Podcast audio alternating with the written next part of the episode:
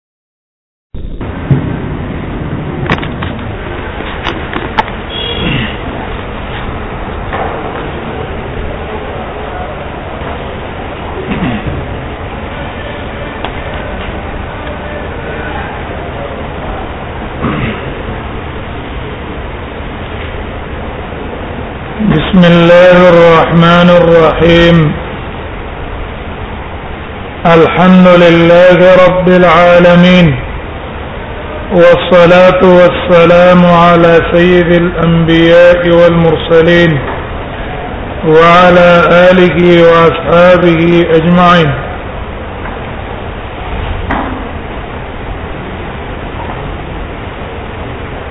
وبه قال حدثنا مصنف رحم الله باب کې قصته د باب د ثبوت د پاره اوس حدیث راوړي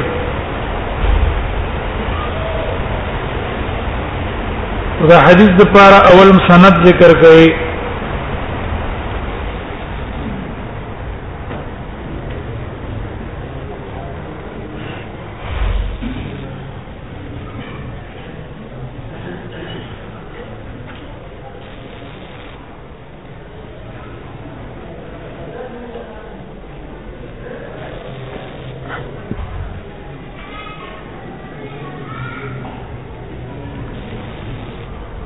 اول مصنف سند ذکر کوي زکه دار مدار د صحت حدیث او د زوب د حدیث دا په سند باندې ده سند متعلق اوله خبره هغه دا ده چې دا سند د خبرې دا د امت خصوصیت ده د نور امتونو د انبیاء خبرې په سند باندې اغي نشي ثابته وله دا د دې امت خصوصیت ته چې هر خبره په سند باندې محمد رسول الله صلی الله علیه وسلم صاحب شریعت پر رسي ابن حزم رحمه الله اغوای ونقل الثقة عن الثقة يبلغ به النبي صلى الله عليه وسلم مع الاتصال نقل کول د یو ثقه د بل ثقه نه دغه نقل رسول الله صلی الله علیه وسلم ته رسي خص الله به المسلمين دون سائر الامم دون سائر الملل دا خصوصیت الله صرف مسلمانانو ته ور کړه نور ملتونو ولا د پاره دا خصوصیت نشته معنا متصل سند راوړل دا صرف د دې امت خصوصیت ده واما مع الارسال والاعضال ام مرسل روایتنا یا معزل روایتنا فیوجد فی کثیر من اليهود دا په ډیرو يهوديانو کې شته لیکن سره د مرسل او معضل روایتونو نه لا يقربون فيه من موسى قربنا من محمد صلى الله عليه وسلم دا مرسل او معضل روایت دی موسی علیہ السلام ته نشي رسولې لکه منګه چې څنګه رسول الله صلی الله علیه وسلم ته رسو بل يقفون بلکې دی قدريږي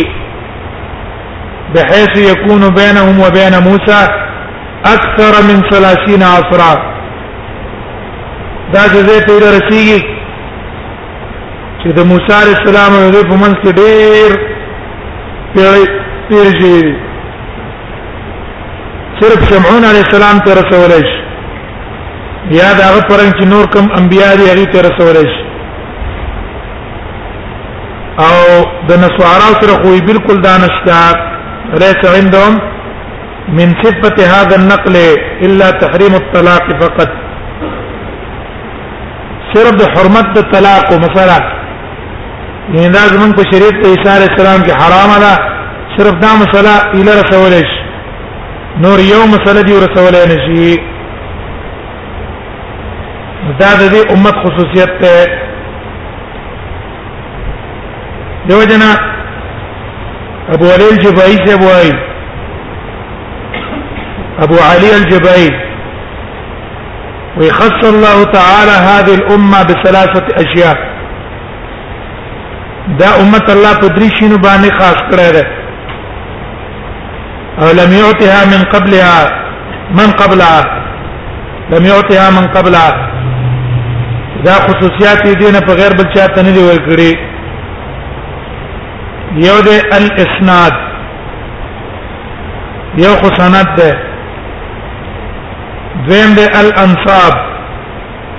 نسب بیانول دا د دې امت خصوصیت ته چې خپل نسب دا رسولې شي د پلان کې زم پلان کې د پلان کې زی او بل اعراب د اعراب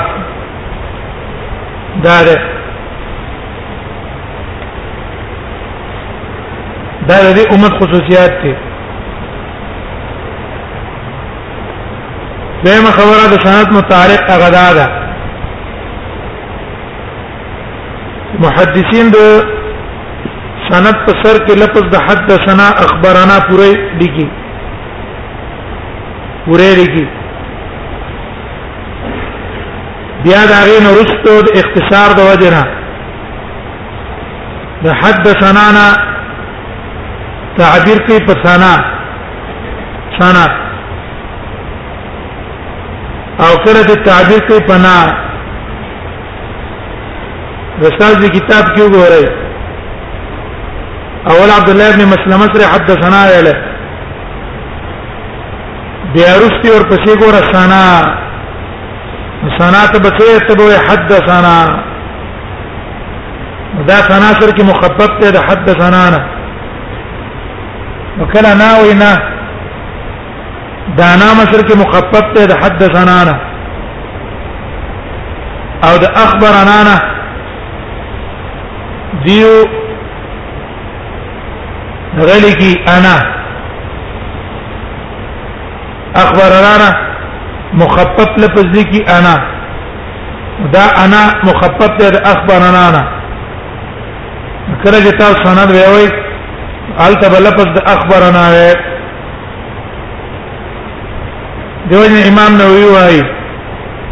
وجرت العاده بالاقتصار على الرمز دا عادت د محدثینو جاری ده چې پر رموزو کې اختصار کوي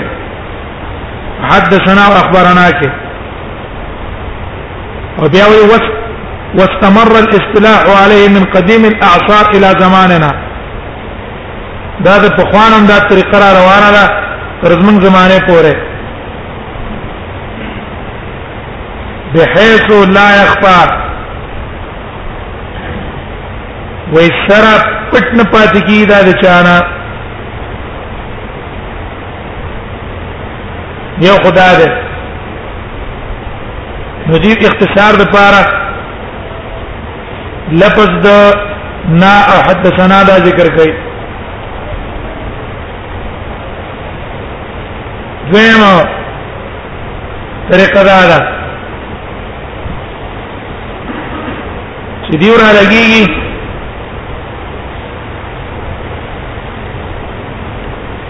کلمه د قال چې مکرره شي کلمه د قال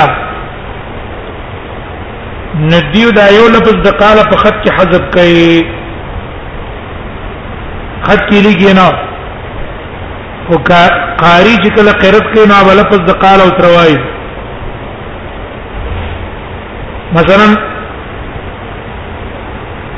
مصنف باب خیر حدثنا عبد الله ابن مسلمه قال حدثنا عبد العزيز دې سنانه مخکې قال ده او محدثین را لګي دا لفظ د قال څه کوي د اختصار د کتابت د وجه نه حذف کوي او د حدثنا نه صرف تعبیر په سنا یا پنا یا د اخبرنا نه په انا باندې کوي نو قاری چې وایي دلته بل پس د قال او سره وایي وبه قال حدثنا عبد الله بن مسلمه قال حدثنا عبد العزيز لفظ د قال ابو سره ده بلولي دویم طالب یا مدرس چې کله د محدثینو په کتاب کې لفظ د حدثنا وای حدیث شروع کوي د حدثنا نه دا غل په کار دادی چې مخکې ته لفظ د وبه قال حدثنا وای وبه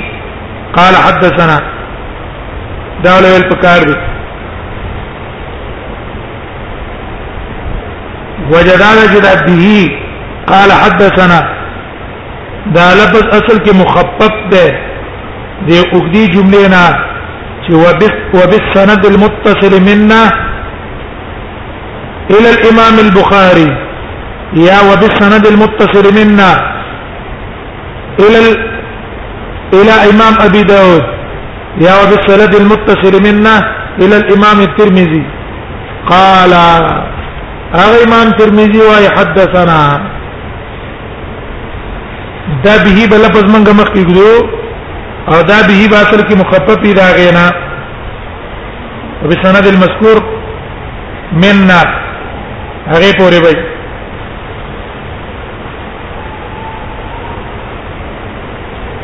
او کدا لپس منګ او نه ویلو او دار کوم ویلو حدثنا عبد الله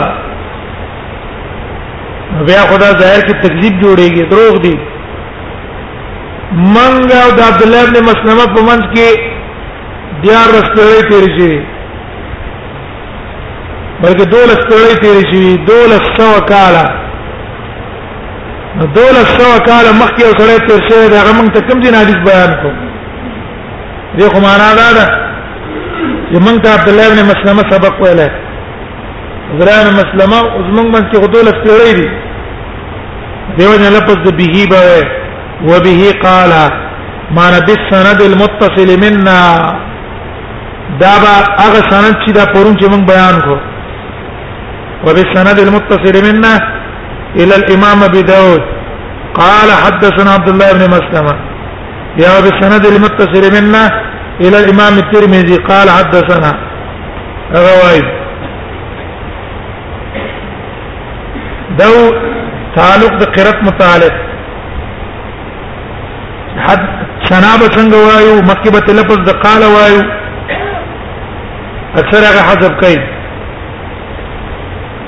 او د اول حدثنا په سر کې بلپس د وبه وای وبه قال نو وبه قال کې قال کې بزمت چا تراجی امام ترمذی ته یا امام ابو داود ته چې د کوم محدث کتاب منګ وای قال من به قائلین او فاعلین به څوک فاعلین به هغه ائمه د کتابونه هغه ائمه وي چې موږ ته حدیث بیان کړی دی پلان کې نو بیا ورپسې چې رسو سنا راشي الته مم لفظ د قال وایو معنی دا ده چې عبد الله ابن مسلم ابن قانب القانبي وایي قال دو وایي چې حدثنا عبد العزيز من ته عبد العزيز حدیث بیان کړه هغه عبد العزيز وایي چې من ته پلان کې حدیث بیان کړه دیو نه قال بوته وایي دریم خبره چې هر سند متعلق ده هغه ده چې ده حدثنا اخبرنا او انبانا د دې په منځ کې فرق شته او کنه شته کله محدث وي اخبرنا کله وي حدثنا او کله وي انبانا آیا د دې په منځ کې فرق شته دی کنه او کنه یو شی دی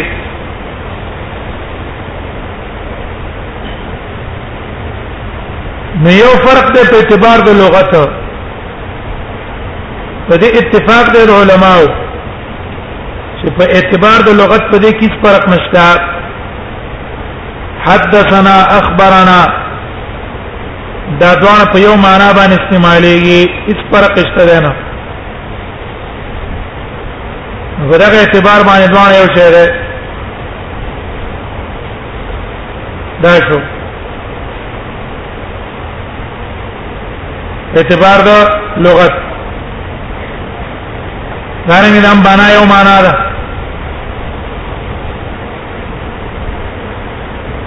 ذم په اصطلاح د علماو کې په فرق شته ده کنه اعتبار د اصطلاح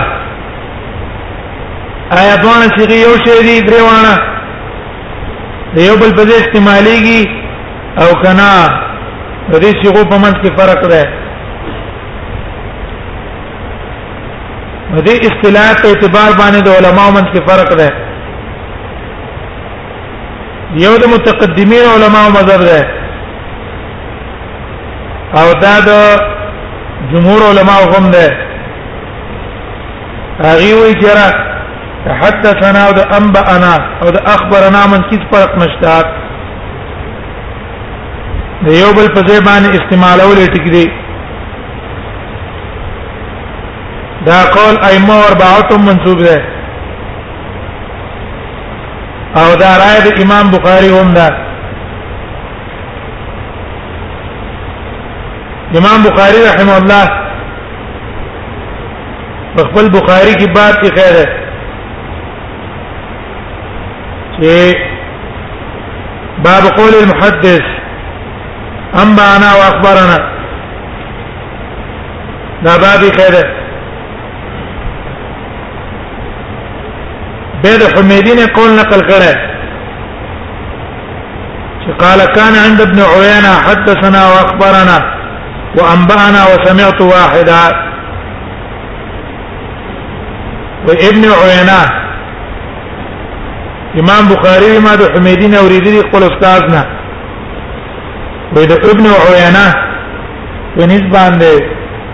حدثنا اخبرنا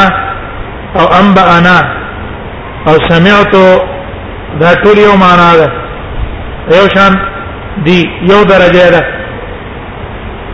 دی یو بل په ځای باندې استعمالول شي د حافظ ابن حجر رحم الله د دې لاندې فتح الباری کې وایي وی اراده قول ابن عینا دون غیره اراده قول ابن عینا دون غیره امام بخاری چې ابن عینا قول لاړو او د نور علما قول رانو ودال على انه مختار دا دلالت کوي په دې خبره چې د امام بخاری رحم الله په نسبت باندې هم دا خبره راجح ده چې حدثنا اخبرنا انبانا او سمعت دا ټول الفاظ مترادفه دي معنی یو دا یو بل په استعمال وایي د امام بخاری رحم الله استدلال نیولې تصویر لپاره په حدیث د عبد الله ابن عمر عبد الله بن عمر رضی الله عنه روایت ده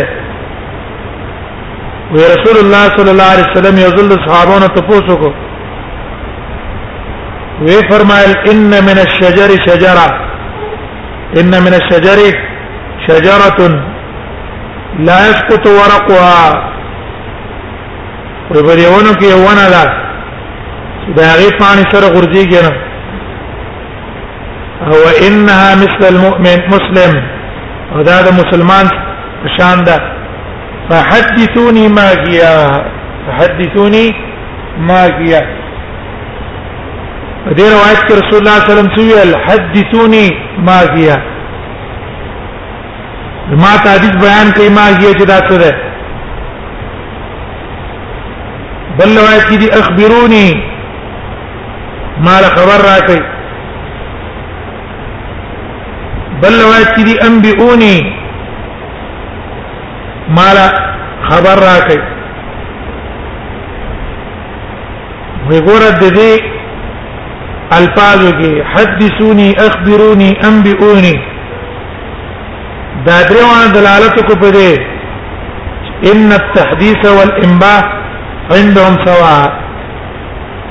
دې علماء په نسبت تحديث او اخبار او انباء یو شی دی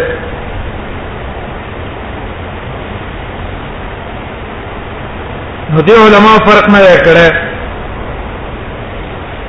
او دا رايه د امام زهري هم ده د امام مالک هم ده او د ابن عوینه او د یحیی القطان هم ده او د اکثر اهل حجاز علما او د کوفینو او دا عمل د مغاربه هم ده کوم چې د مغرب علما دي هغه د دې شیغو په منځ کې فرق نه کوي ابن حاجب را لګیدل دی دا مذهب راجح کړي په خپل مختصر کې او د امام حاکم نه دا قول نقل کړي چې دا مذهب د ائمه او اربعه هم ده زم قول د بعض علما ده هغه وی چې نه د دې په منځ کې فرق ده کله چې استاد را لګي ځوان من څه فرق دی وای حدثنا پاک صورت کې ده حدثنا چې شیخ را لګي الفاظ وینو ال تحدثنا استعمالي او اخبرنا هغه ځای کې استعمالېږي چې شاګرد را لګيږي استاد ته کتاب وای استاد ته غلې ناشتي او په اخر کې تصدیق کوي چې آو هلته لفظ اخبرنا استعمالېږي نو تحدیثي خاص کړی دی په تلفظ د شیخ او اخبار خاص کړی بما یقرأ علیه چې په استاد څه استره کیږي دوه من کې فرق شو نو کله چې د اخبارنا او د حدثنا په منځ کې تعارض راشي نو په صورت کې به ترجیح به حدثنا علی ذات استاد ته تخپل ویل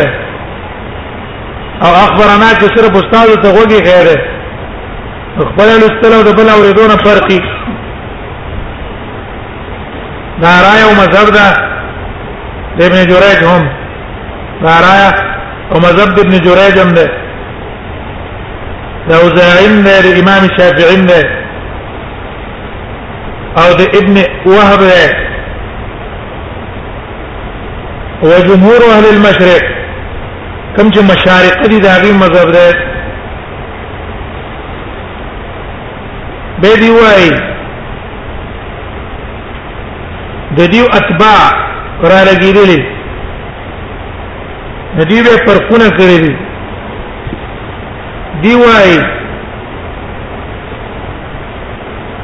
هرڅو اتباع را لګیدلې دی فرق کوي وای کله چې وسره د استاد نه ځان لا ورېدل وکړه استاد یې لګیا دی د ځان ځان نه ناشته نور مرګي وسنشتہ الته بل په تو حدثني استاد توي حدیث او په مجلس کې ځان لداده نور څوک طالبانو سنشتا او د استاد نه حدیث واورید ان الته بل پس ده حدثني استعماله او که نور کسانو سے واورید نور ملګری سره او استاد ته حدیث بیاناو په هغه ځای کې بل په حدثنا استعمالي حدثنا او که سره ځان له استاد سره ناشته او استاد ته حدیث ویل او استاد ته وګی خو او پس د فراغت نه استاد تصدیق وکړو الته به لپس د مفرد استعمالي اخبرني التبا لفظ د مفرد استعمالي اخبرني او که نور کسان مو څو نور کسان دو تقرب کو یا بل مرګریو تقرب کو دم وږي کو او استاد هم وږي کو او په اخر کې اوس دا تصدیق وکړو الته بیا اخبرنا باستعمالي او لفظ د انبانا دا په کوم ځای کې استعمال دی وی لفظ د انبانا دا به هغه ځای کې استعمالي چې کله ته استاد اجازه مشافهتن ورکړي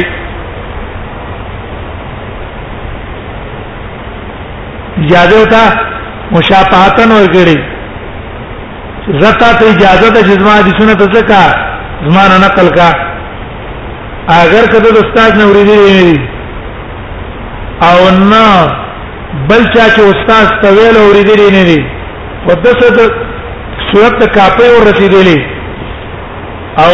استاد ته اجازه ورکړې ده چې دا بیانوا نو التبا لفظ انبا انیوي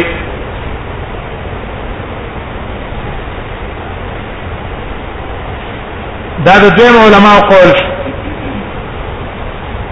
امام بخاری مذهب خو موږ معلوم کو امام بخاری را ادا د چاغه قائل دی د عدم تفریقه او دلیل نه ولا حدیث باندې لیکن امام مسلم او امام نسائی دا غي دوه طریقه دا ده چې هغه په مابین د حدثنا او اخبارنا کې فرق کوي حدثنا انبانا په منځ کې فرق کوي د امام ابو داود رحم الله څخه سمي اوره چې هغه قائل تفریقې ده کنه ده نو د امام ابو داود د سنیع نه معلومیږي په دې سنن ابو داود کې چې دیم قائل له پشان ته د امام مسلم او د نسائی د فرق په مابین د حدثنا او اخبرنا کې دا غي قائل له دوه من کې څه ده دا فرق ده درې قائل له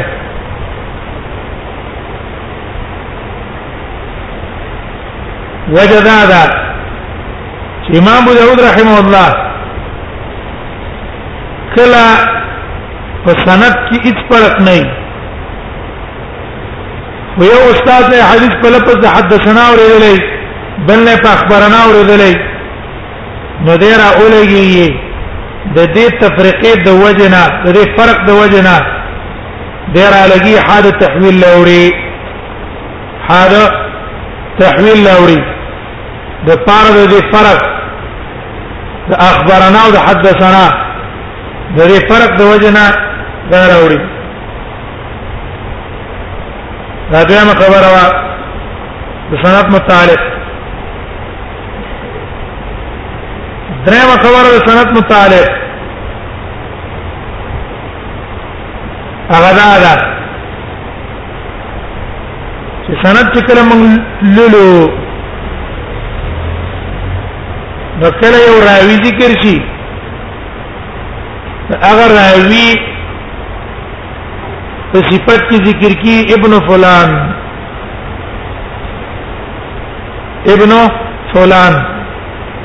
اذا مثلا دلته عبد الله ابن مسلمه حدثنا عبد الله بن مسلمه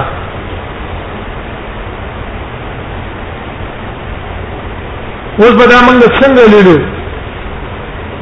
اعراب به څنګه وي په وخت د قرات سند کې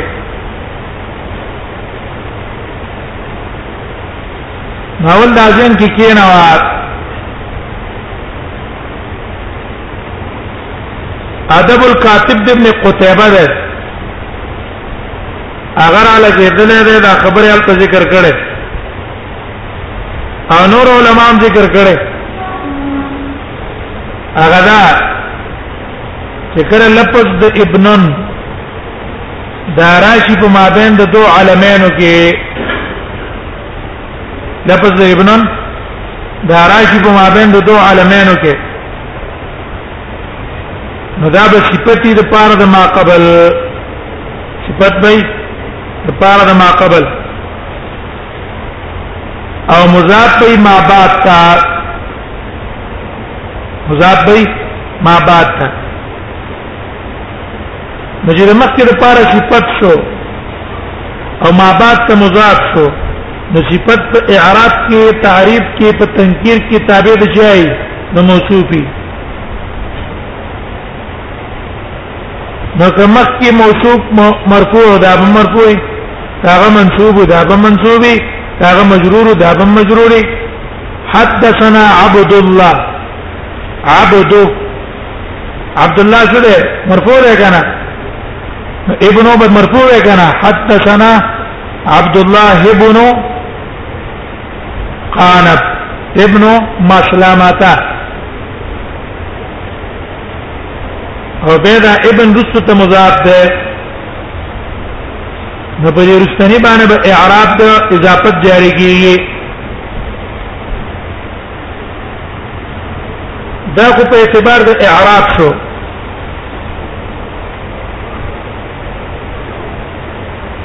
بیا په دې ابن کې به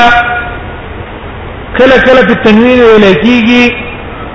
او کله په تنوین ساقطیږي نو کله چې لفظ د ابنن دا راغه په مابین د عالمین او متناسلینو کې کله چې لفظ د ابنن راشي په مابین د عالمین او متناسلینو کې سمانا دا مخکې لفظ او رست لفظ د ابننا د ابننا چې مخکې لفظ کوم راغله او رست چې کوم نوم راغله دا ځوان نمونه که په خپل منځ کې یو بل پلار او زیو متناسبه معنا دا ده کله چې لفظ راشي د ابنن په مابین د عالمینو متناسبینو کې عالمین متناسبین معنا دا شو چې مخکې نوم دا زوی ده د رست نوم والا او دې په منځ کې لفظ د ابنن راغې نو په دا ټیم کې موږ څه کوو که چرته په ابنن کې تنوین نو حذف کوو با دیو او حمزه بم داول نه حذف کوو حمزه بم څه کوو حذف کوو دا وګورئ حدثنا دلان دې په مجلس کې وګورئ دی حدثنا مسدد ابن مسرهد ګور مسدد باندې تنکیر وکنو تنوین به کنه حدثنا مسدد چې کله ابن نصرانی شي نو څنګه وایو حدثنا مسدد قال حدثنا عيسى وستون کې بصیر است لفظ د ابنن داره نور اولګي د مسددن نم تنوین څکړو حاضر کړو او د ابنن نم حمزه حاضر کړه اوس بوایو حدثنا مسدد ابن مسرهد ابن مرفوع ویلو دغه صفت ته چا د پاره صدد د پاره او مسرهد دیوان جر راوستو ځکه ابنو ته مضاف شوی دی او نو تنوین هم داغه نه مسدد دم تنوین ذکر کو او د ابن نم حمزه ذکر کړه او کچرته دا لفظ د ابنن راشي کله چې دا لفظ د ابنن راشي په مابین د عالمین او غیر متناصرینو کې ما بین د عالمین غیر متناصرینو کې په دا ټیم کې به حمزه د ابن لیکو ابن حمزه بچو لیکو بیا او د مخکې عالم نه به تنوین هم نه ساقطو مخکې عالم نه به تنوین هم نه ساقطو او د ابن نه به حمزه هم نه ساقطو بلکې حمزه به تر لیکو لکه مثلا د سندونو کې راځي حدثنا عبد الله حدثنا عبد الله ابن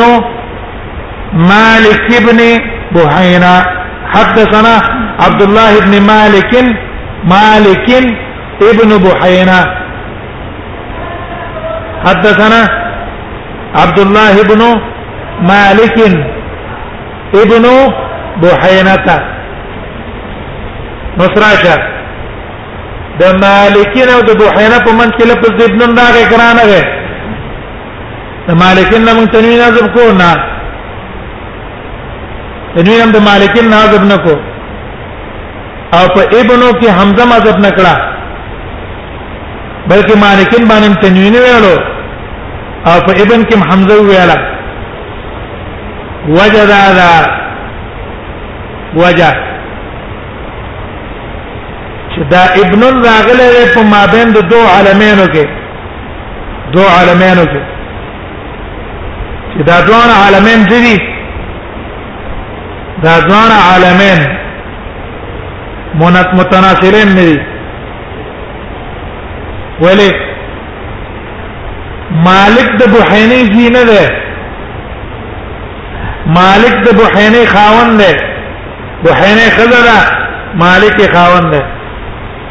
نو دا ابنو